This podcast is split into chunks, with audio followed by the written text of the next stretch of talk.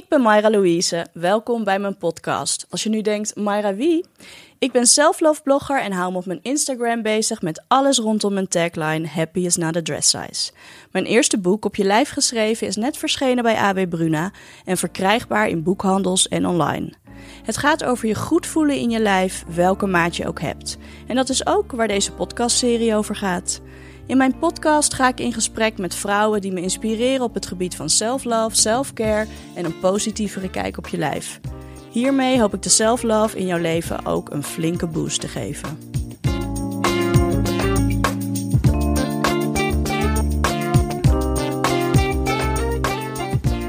Welkom bij mijn podcast. Jullie weten dat mijn motto Happy is not a dress size is. En dat ik geloof dat je geluk niet van je kledingmaat of je gewicht moet afhangen. Maar het is natuurlijk wel zo dat de kledingmaat nogal een dingetje is in onze samenleving. Daarom gaan we het in deze vierde aflevering hebben over dik zijn in een maatschappij waarin dun de norm is. En ik heb hier de perfecte gast voor, namelijk bestseller-auteur Tatjana Almouli, die je vast kent van haar boek Knap voor een dik meisje.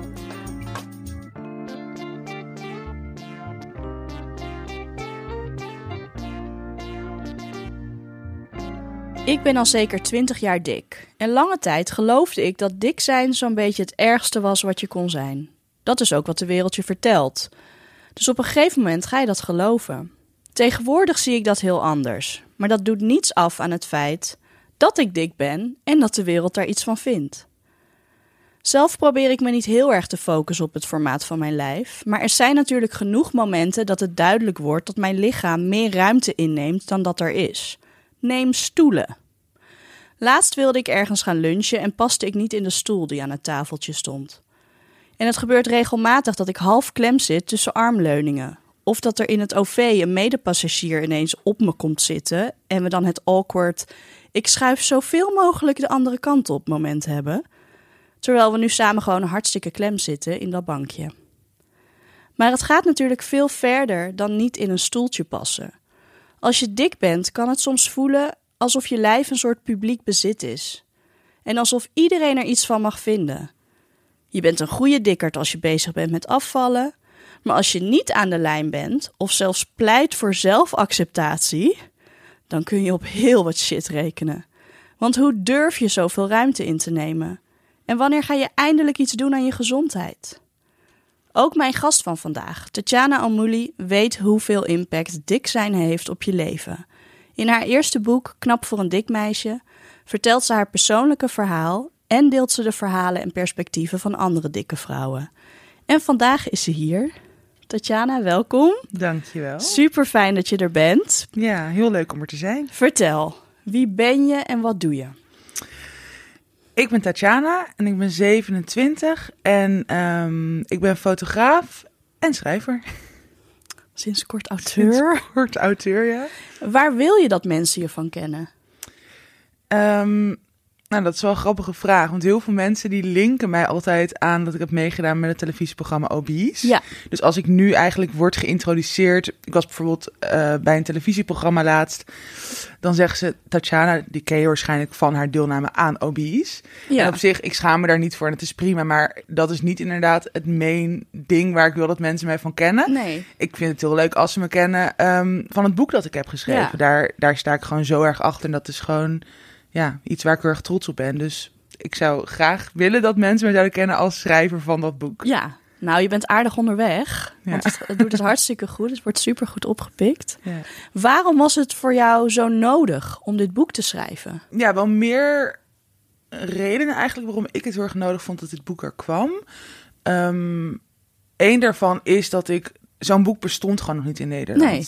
En de afgelopen jaren um, nou, ik heb me altijd heel erg geschaamd voor mijn lichaam, om de, voordat ik dik was. En um, daardoor leefde ik best wel in een kramp. Ik was altijd inderdaad bezig met: oké, okay, wat kunnen mensen van me vinden? Hoe kijken ze naar me? Ja. Um, altijd bang voor opmerkingen, voor blikken. En ik merkte gewoon dat het zo'n groot deel van mijn leven bepaalde.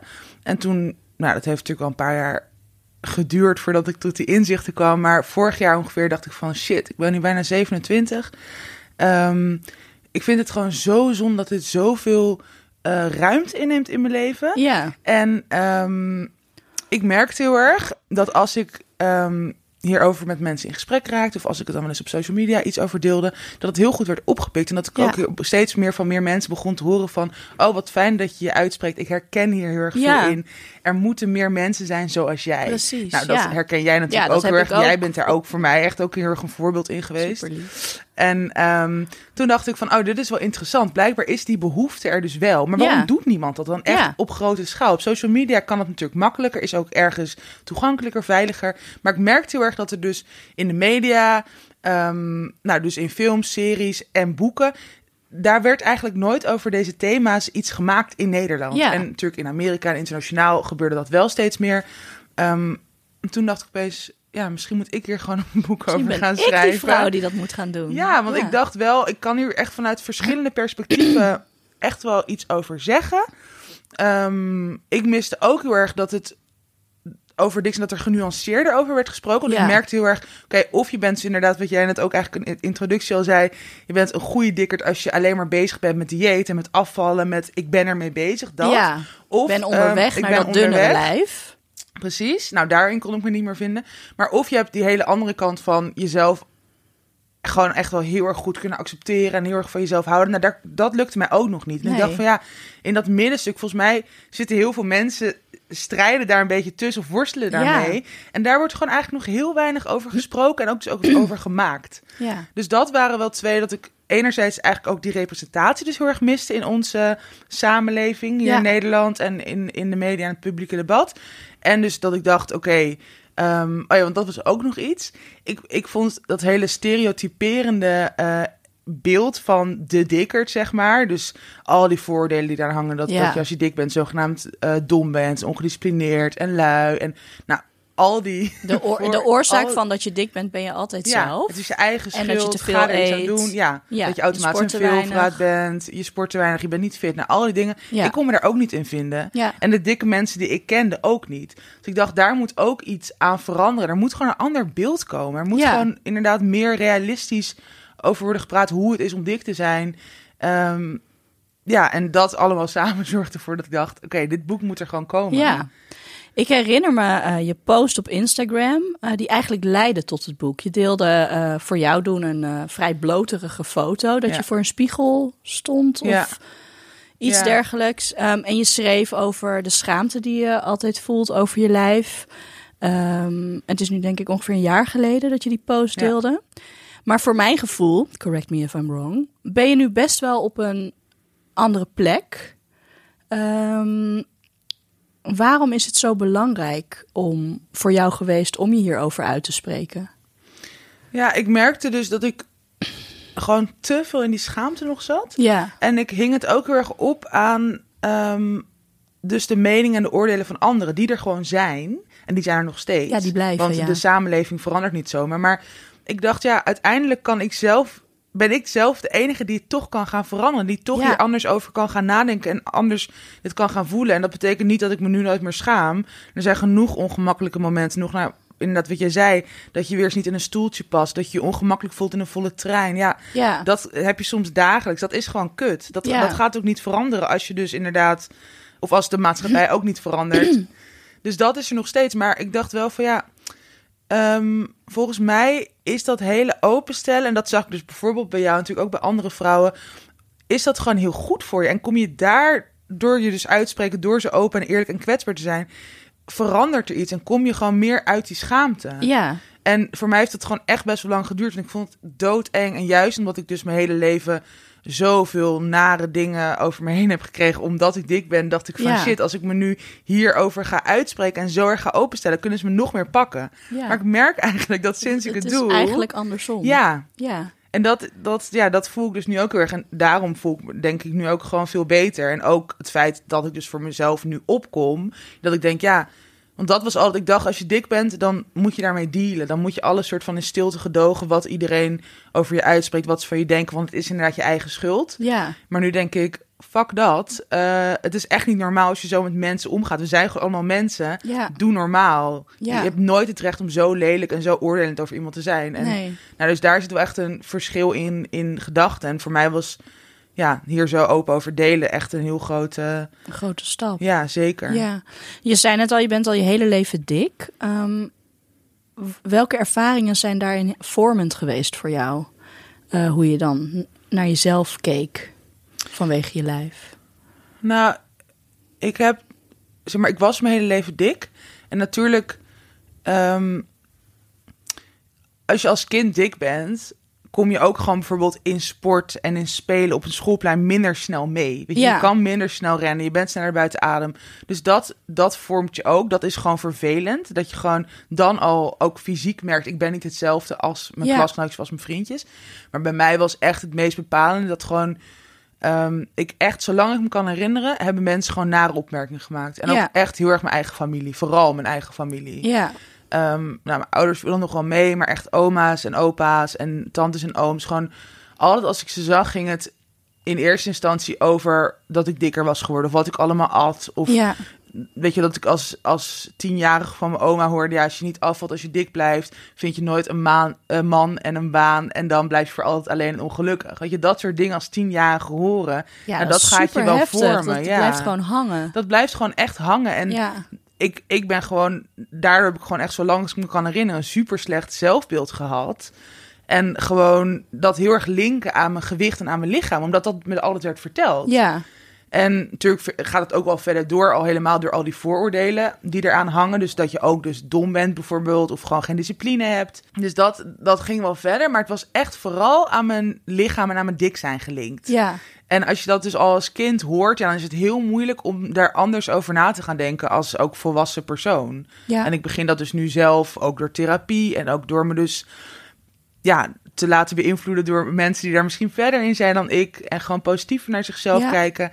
eh, begint dat nu echt wel te veranderen. Maar dat duurt gewoon heel lang. En dat is gewoon zo moeilijk als je kern gewoon wat dat betreft ja, heel, heel negatief is of zo. Ja, het is ook. Het, je hebt ook gewoon echt tijd nodig als je zo lang op deze manier naar jezelf hebt gekeken. Het is niet zomaar anders. Nee. Maar ik denk wel dat je. Eh, ik heb dat heel erg ervaren de afgelopen jaren. Dat je, als je dan die stappen gaat zetten en ermee aan de slag gaat, dat je soms ineens een soort van.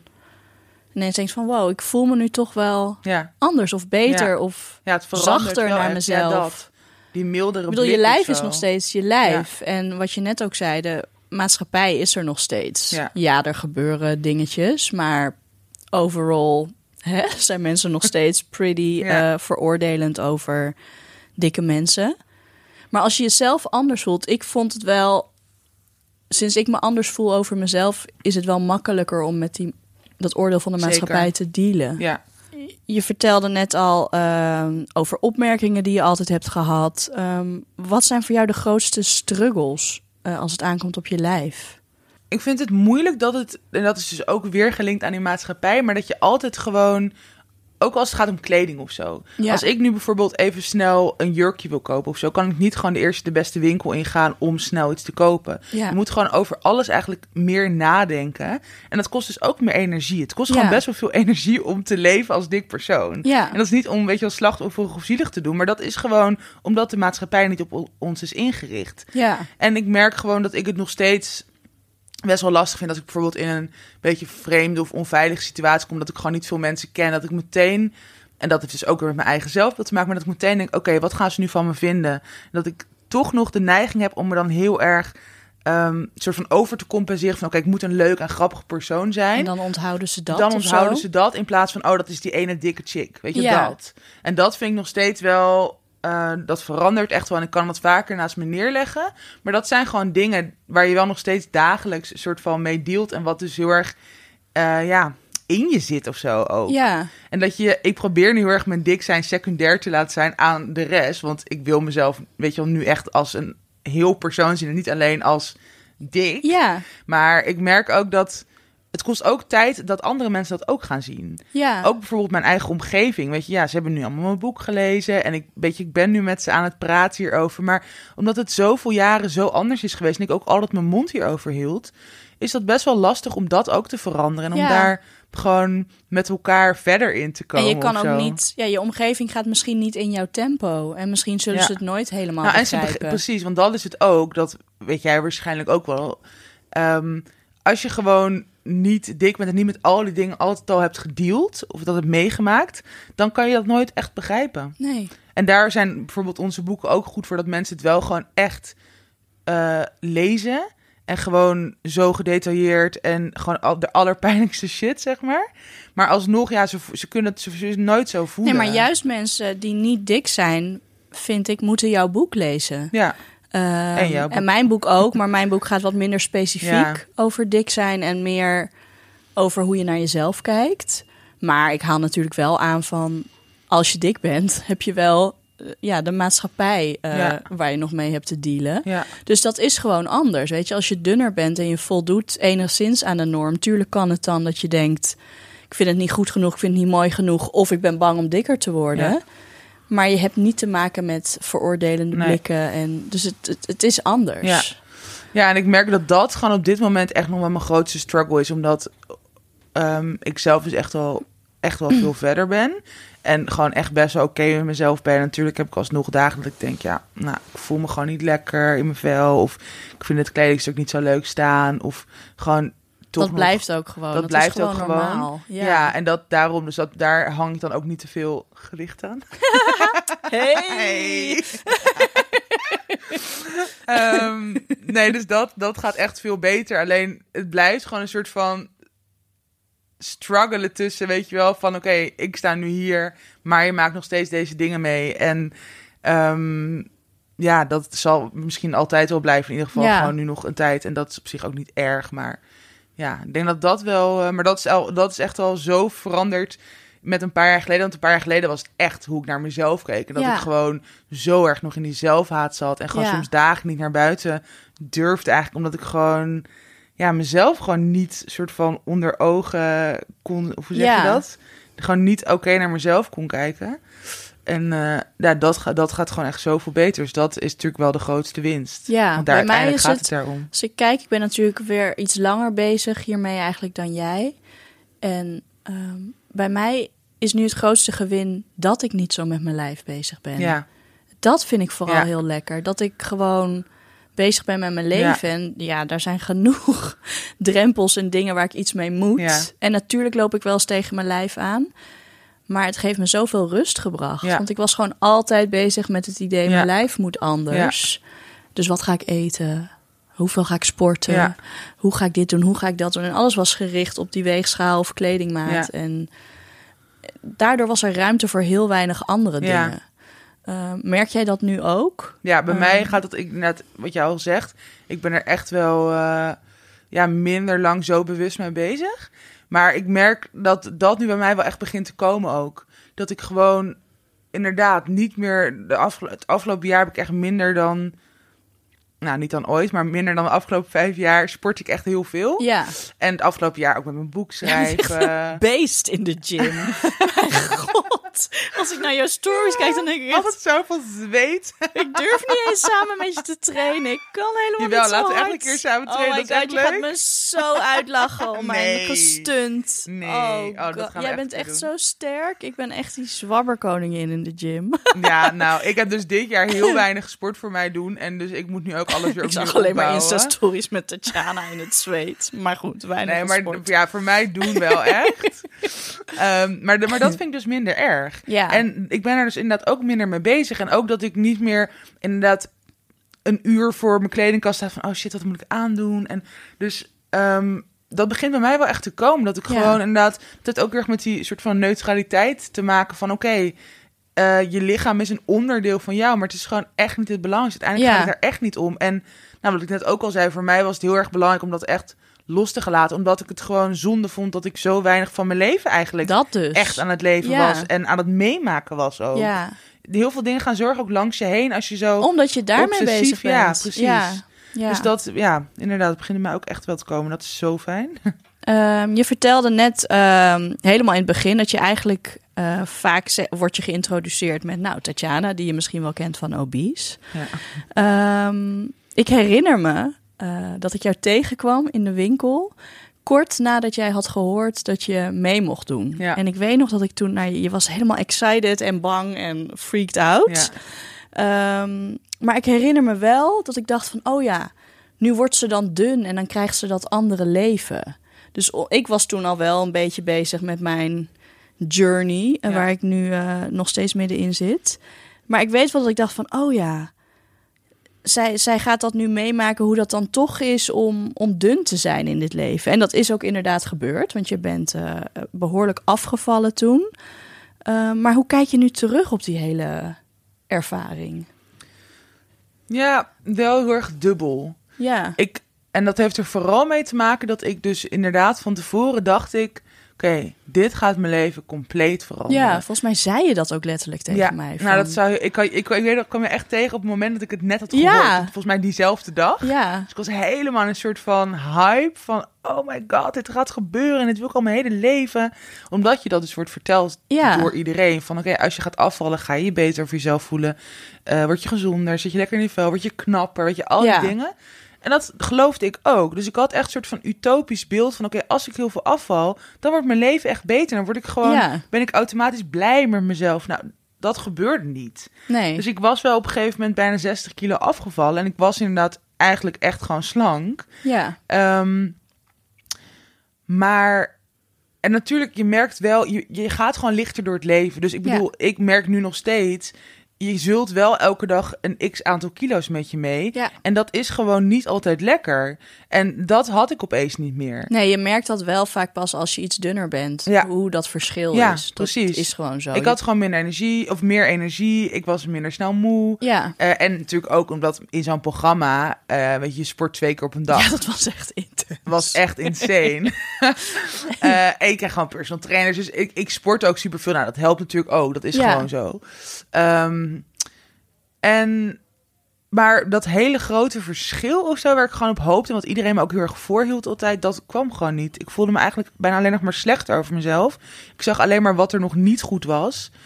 Ehm, was echt obsessiever dan ooit. Ging op een gegeven moment helemaal juist naar de andere kant... dat ik gewoon elke dag van mezelf moest sporten. Echt maaltijden ging overslaan Ja.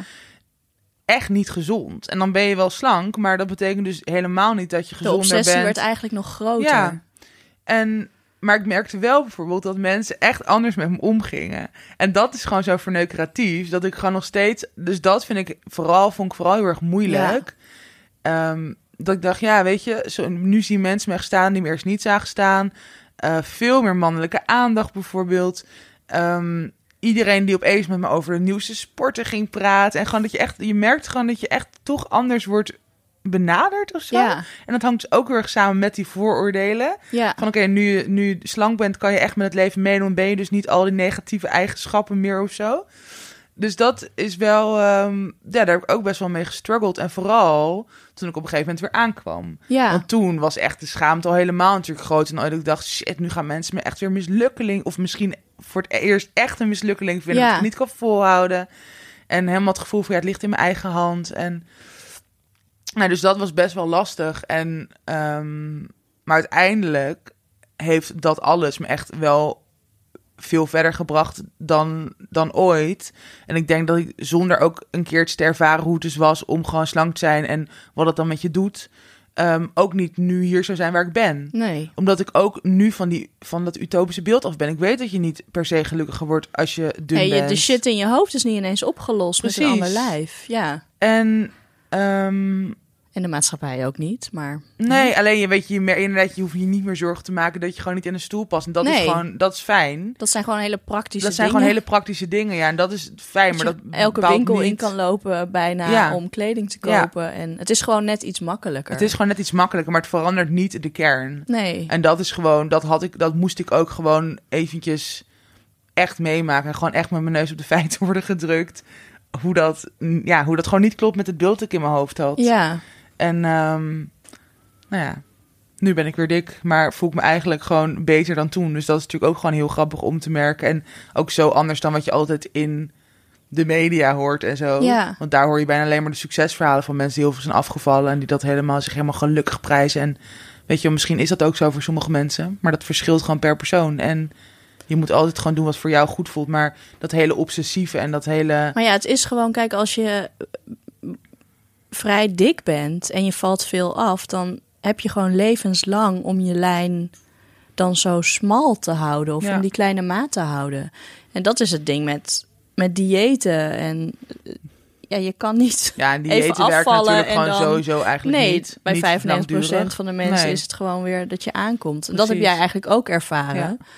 Ehm, dat vertel je ook in je boek, dat het dus heel vaak gebeurt dat mensen die zoveel afvallen, ehm, dat het dan heel moeilijk is om op gewicht te blijven, omdat je lijf, je krijgt gewoon honger. Ja.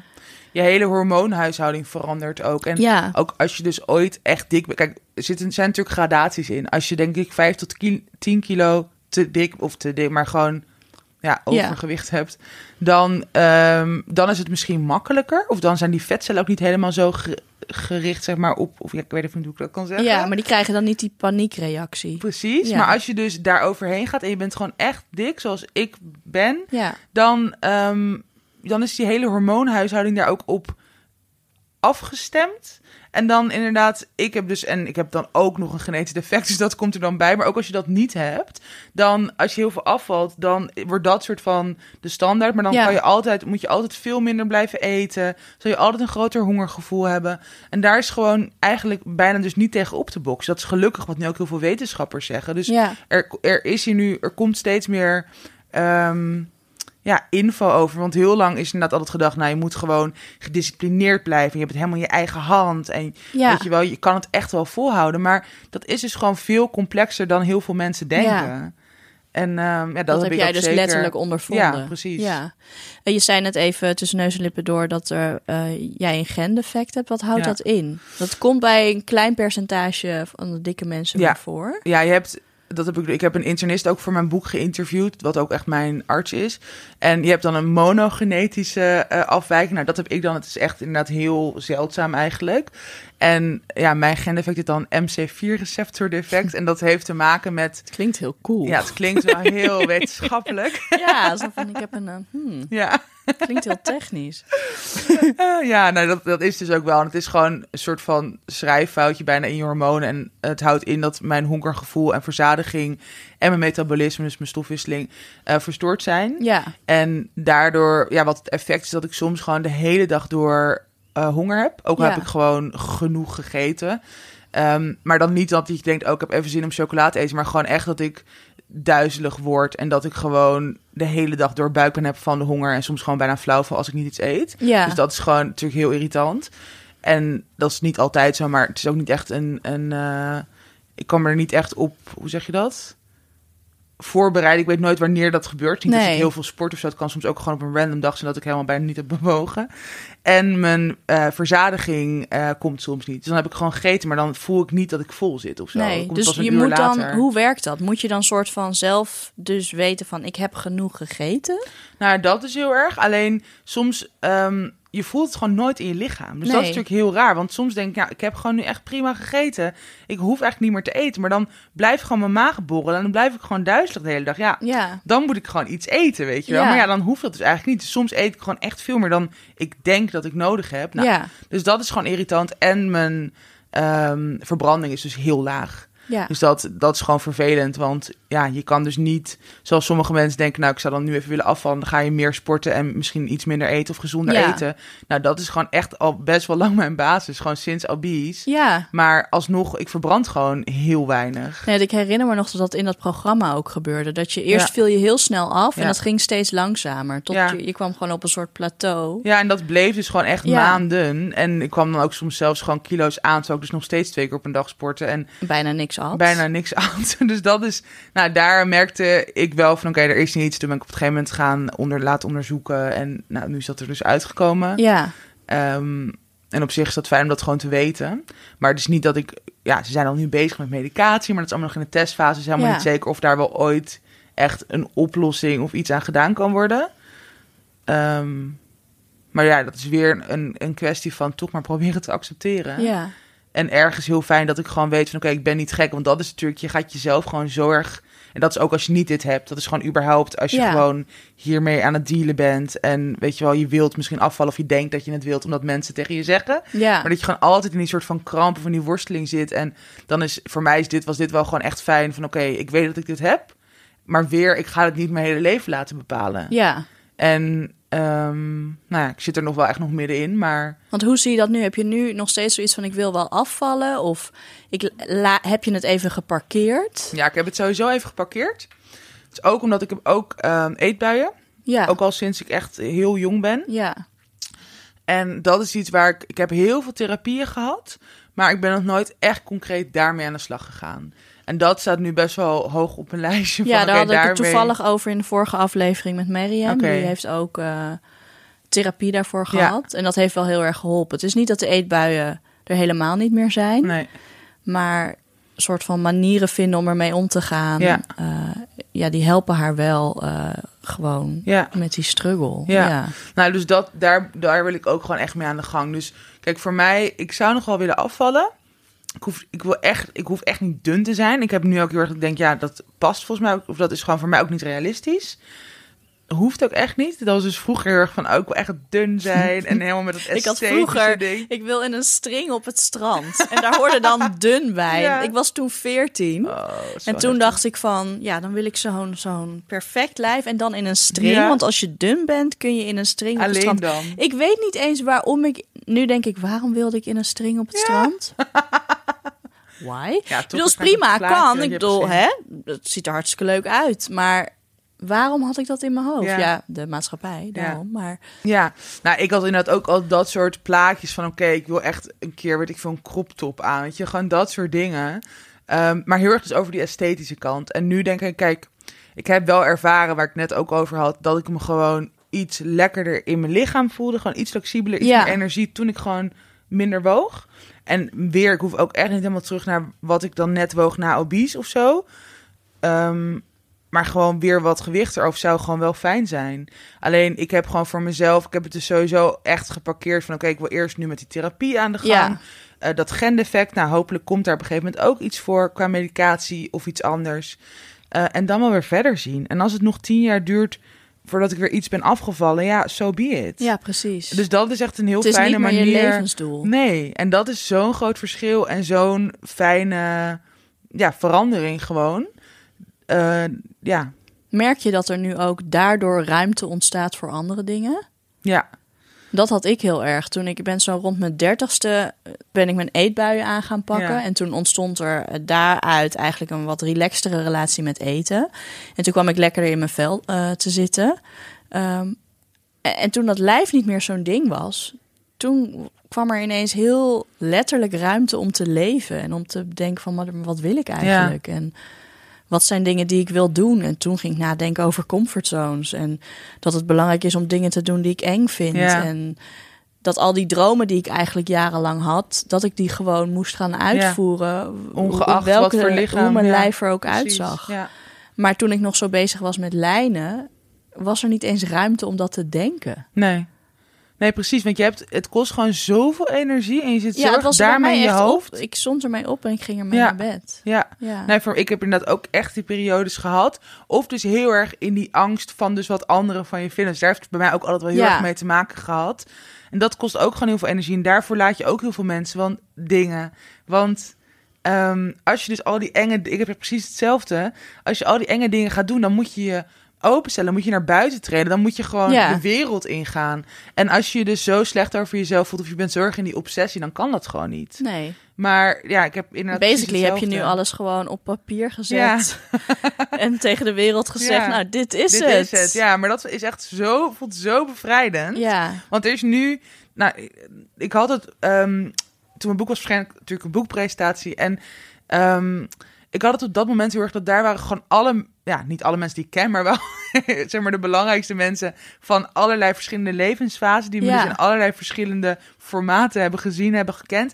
En dat ik dacht, ja, kijk, ik ben dus nu weer dik en iedereen heeft me gezien en iedereen gaat mijn boek lezen of heeft mijn boek al gelezen. En Ja. ik weet je, ik spreek nu voor al deze mensen. En het was zo relaxed en ik dacht, ja, nu kan ik gewoon... Iedereen weet het nu. Het is ook een soort van... Ik had er ook een podcast laatst over geluisterd van The American Life. Dat, daar was een dikke fout Ja, die ben ik nu aan het luisteren. Ja, Ja. echt fantastisch. Moet iedereen luisteren ook. ik zal Maar dat- even linken, jongens. Ja, goed zo. maar dat het heel erg ging over ehm, uit de kast komen als dik persoon. Ja, En dat dat een soort van, nou ook weer natuurlijk in Amerika een ding is. Maar toen dacht Ja. ik, ja, dat heb ik eigenlijk nu ook gedaan met dit boek. En dat is zo, we zagen het al, maar jij moest het nog soort van ja, precies. omarmen. Ja, en er gewoon voor uitkomen, zeg maar. Voor mezelf vooral inderdaad. Ja. Maar daardoor ook voor andere mensen. En dat is gewoon ja, echt een last die gewoon van je schouders v- eh, valt. En dat ik nu denk, ja, nu kan ik inderdaad gewoon al die andere dingen Ja. gaan proberen en doen. En ehm, ja, het leven gaan leven. Maar je hebt jezelf ook vrij letterlijk een podium hiermee gegeven. Ja. ja, gewoon gepakt. Ja, gewoon hallo jongens, ik heb wat te vertellen. Ja, en ja. dit is het. Voordat we verder gaan, nog even dit. Deze aflevering gaat over dik zijn. Voor veel mensen heeft dat woord een heel negatieve lading. Voor mij is het juist bevrijdend geweest om dit woord bewust te gaan gebruiken als ik mijn lichaam beschreef. Ja, ik ben dik. Maar dat zegt niks over wie ik ben als mens. Als jij als dik persoon dik zijn ziet als het ergste wat je kunt zijn, dan is het heel moeilijk om waardering te krijgen voor je lichaam of om met een positievere blik naar jezelf als mens te gaan kijken. Dan blijf je eigenlijk hangen in moeten veranderen om maar niet meer dik te hoeven zijn. Dik is voor mij een beschrijvend woord, net zoals dun of lang of kort. Ik weet dat het niet makkelijk is om hier anders mee om te gaan, maar hoop toch een zaadje bij je te kunnen planten. Ik geloof dat je dik zijn moet omarmen om het los te kunnen laten. Zolang je het dik zijn groot blijft maken, laat je geen ruimte over voor alles wat er nog meer is. Terwijl al die andere dingen veel meer zeggen over jou dan het formaat van je lichaam. Ehm, hoe kijk je op dit moment naar je lijf? En wat heeft ook het schrijven van je boek eh, daarin betekend? Ehm, nou, ik, het verschilt nog steeds bij mij wel echt per dag. Maar waar we het net ook over hadden, ehm, ik kijk echt wel met een neutralere blik. Ik probeer dus ook heel erg ehm, mijn lichaam soort van te waarderen voor wat het allemaal kan. Ja, En ik heb dat, ja, ik hou gewoon echt sinds ik met obese meegaan echt heel erg van sporten. En ja, Ehm, bijvoorbeeld als ik dus echt super zware gewichten eh, kan heffen of daarmee kan slepen, dan denk ik wel shit, ik kan het gewoon allemaal aan, ook al ben ik dik. ja, Ehm, en dus ook zien dat het daar dus eigenlijk helemaal niet zo heel veel mee te maken heeft. Dus ik probeer heel erg mijn lichaam soort van, of naar mijn lichaam te kijken met een blik van, oh, eh, jij kan het allemaal super goed. En wat fijn vooral ook. ja, En eh, dus niet echt meer heel erg met die uiterlijke kant bezig te zijn. Nee, dus gewoon, ik, ja, ik voel me gewoon best wel rustig in mijn lichaam. En daar heeft mijn boek ook zeker aan bijgedragen. Of om dat te schrijven. Want ik moest gewoon zorg al mijn levensfases ook weer, zeg maar, door om dit allemaal op te... Of om gewoon dit boek te kunnen schrijven. Ja. En juist door al die... Dat ik ook gewoon dacht, wow, ik heb echt wel best wel veel soort van doorstaan. En door al die allerpijnlijkste shit heen gekomen. Ehm, en ik ben er gewoon nog steeds. Ja. En het gaat gewoon eigenlijk best wel goed. Ik heb echt best wel een leuk leven. Zulke fijne mensen om me heen. Eh, nou, mijn lichaam is dus ook echt tot veel in staat. Dus ik mag ook wel wat blijer of gelukkiger of dankbaarder zijn of zo. En ook in mijn lichaam en met mijn lichaam. ja, want eigenlijk heeft het je ook gewoon heel veel gebracht. Ja, En jij ondanks jezelf alles. ook, maar Ja. ja. Ehm, zou je nu zeggen dat je liefde hebt voor je lijf of aan het ontwikkelen bent? Ja, dat vind ik, ja, denk het wel.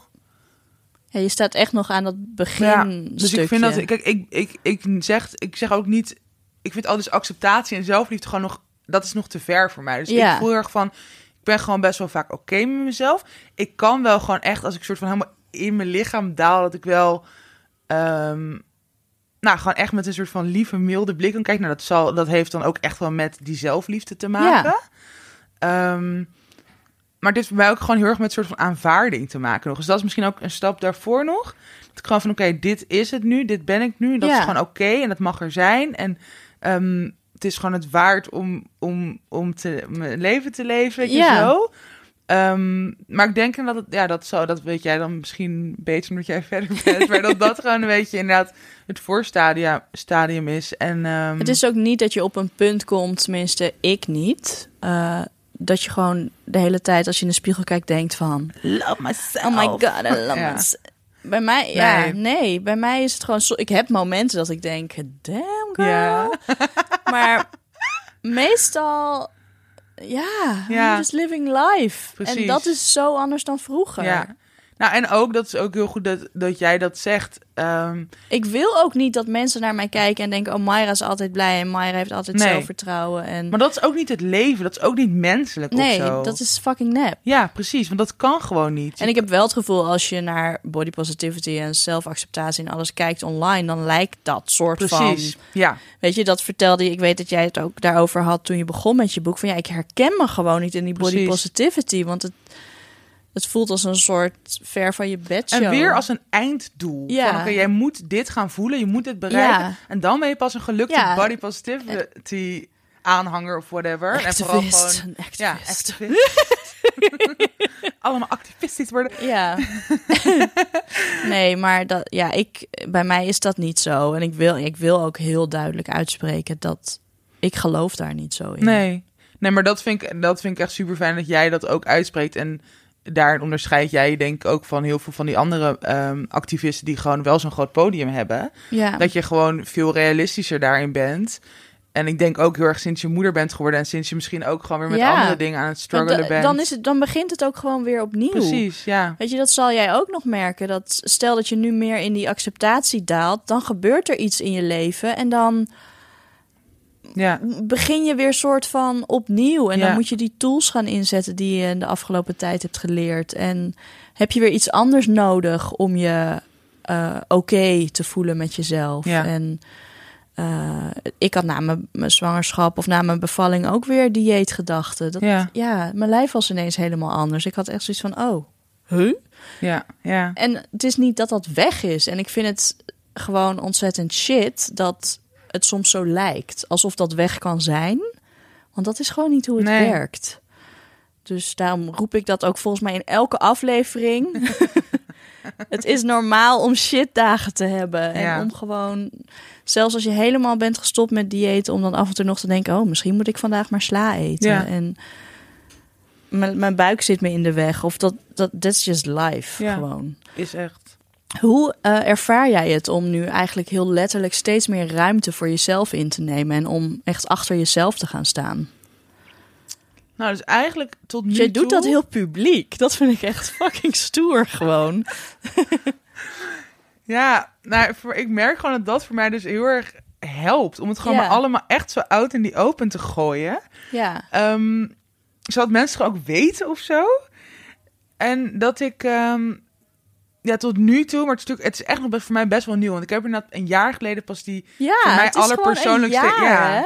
En daarin zat gewoon dat super hectische schrijfproces. Dus het Oh is my allemaal God. gewoon, daar We're alles tired.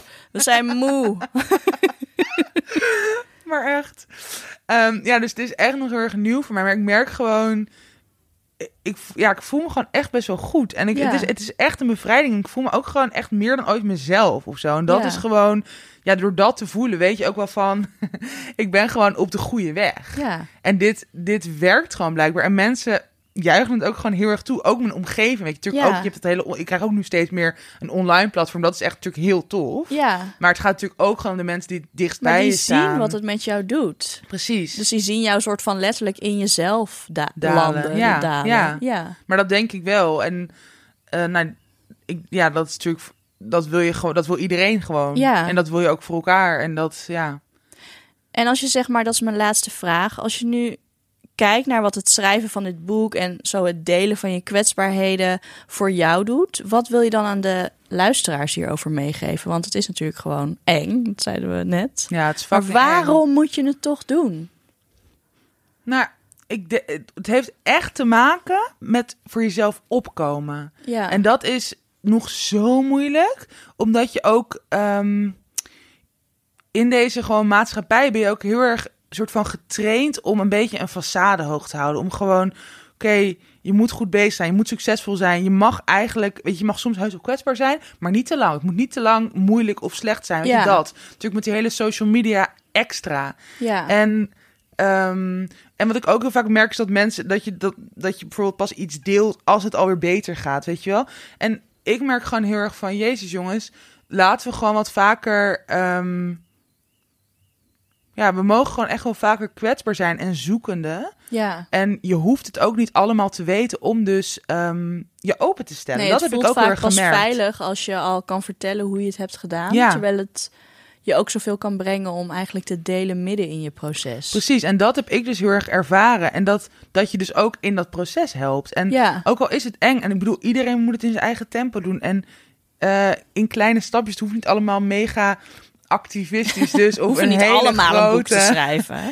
Nee, maar ik bedoel, het, het, het- ik denk dat het al heel erg helpt om gewoon dus bijvoorbeeld naar je dierbaarste vrienden of familie of weet ik voor wie, eh, daar te beginnen. Ja, je hoeft ook niet op social media een foto in bikini of whatever om te laten zien dat je je lijf accepteert. Nee. Het gaat juist Of dat om je hiermee bezig de bent. omgeving. Zeker. En nou, dus vooral, het gaat om jezelf. Alleen ik merk echt dat gewoon alles bij jezelf houden, dat werkt gewoon niet. Nee. Ik denk voor niemand. Want dan blijf je de hele tijd in die soort van kramp. En ik moet het allemaal zelf doen. En ik weet niet waar ik moet beginnen. Weet je, dat. En, ehm, maar vooral van, oké, je hoeft het echt nog niet allemaal te weten. Je mag Nee. gewoon zoekende zijn. Maar daar mag je ook over vertellen. En dan krijg je juist die verbinding met Zeker. anderen. Dat En met merk ik heel erg. Ook als ik dan dingen deel, dat zegt een volger of iemand in de DM weer iets. En dan denk ik, oh ja, ja, die her, dat herkenningsaspect is ook heel herkenning fijn. is fijn. Maar je, je kan zo van elkaar leren. Zeker. En dat is dus niet alleen dikke mensen onder elkaar. Want ik heb bijvoorbeeld ook, nou ja, ook van mijn allerslangste vriendinnen, weet je wel. Dat iedereen herkent wel iets in die struggle en met Ja. jezelf de gevechten aangaan. En gewoon het heel vaak nog niet weten. En gewoon moeite hebben met dingen. En dat is gewoon zo menselijk. Alleen Ja. we praten daar gewoon nog heel weinig over. Omdat het inderdaad is heel moeilijk en kwetsbaar en eng. Maar ik denk dat het uiteindelijk echt loont voor iedereen. Ja, precies. En ja. Nou, ik vind het een perfect eh, einde van dit interview. Om eh, nog even een paar eh, dilemma's op je te gooien, kom ik nog even met mijn vragenvuurtje. Bikini of badpak? Allebei. nou, dat mag niet. Ehm, nee, dan badpak. En waarom badpak? Ja, ik vind dat... Nou, ik draag ook al bikini, dus daarom ik zeg gewoon echt allebei. Het, Ja. het, het hangt voor mij echt van de dag af. Vandaag is een badpakdag. Ja, ik heb vandaag een kater.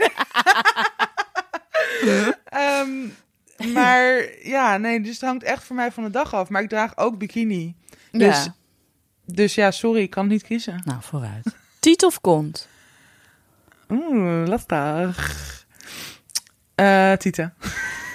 Bellen of appen? Bellen. Innerlijk of uiterlijk? Innerlijk. Bank of bar? Oeh. Zit hier met een kater. ja, bar, bar, bar, sorry. Dat was hem. Oké, leuk. Eh, nou, sowieso super veel thanks dat je hier wilde zijn. Ik vond het echt weer heel leuk om je te spreken. Ik ben ook altijd heel trots op je, dat weet je. Ik zeg Zo altijd, je voelt een beetje als mijn kleine Ja, zusje of zo. lief. Ik ben ook zo trots ik op weet jou. ook niet eens meer hoe wij elkaar kennen. Ja, volgens mij echt via social media. Ja, waarschijnlijk maar echt al best wel lang Maar geleden. echt way back. Ja.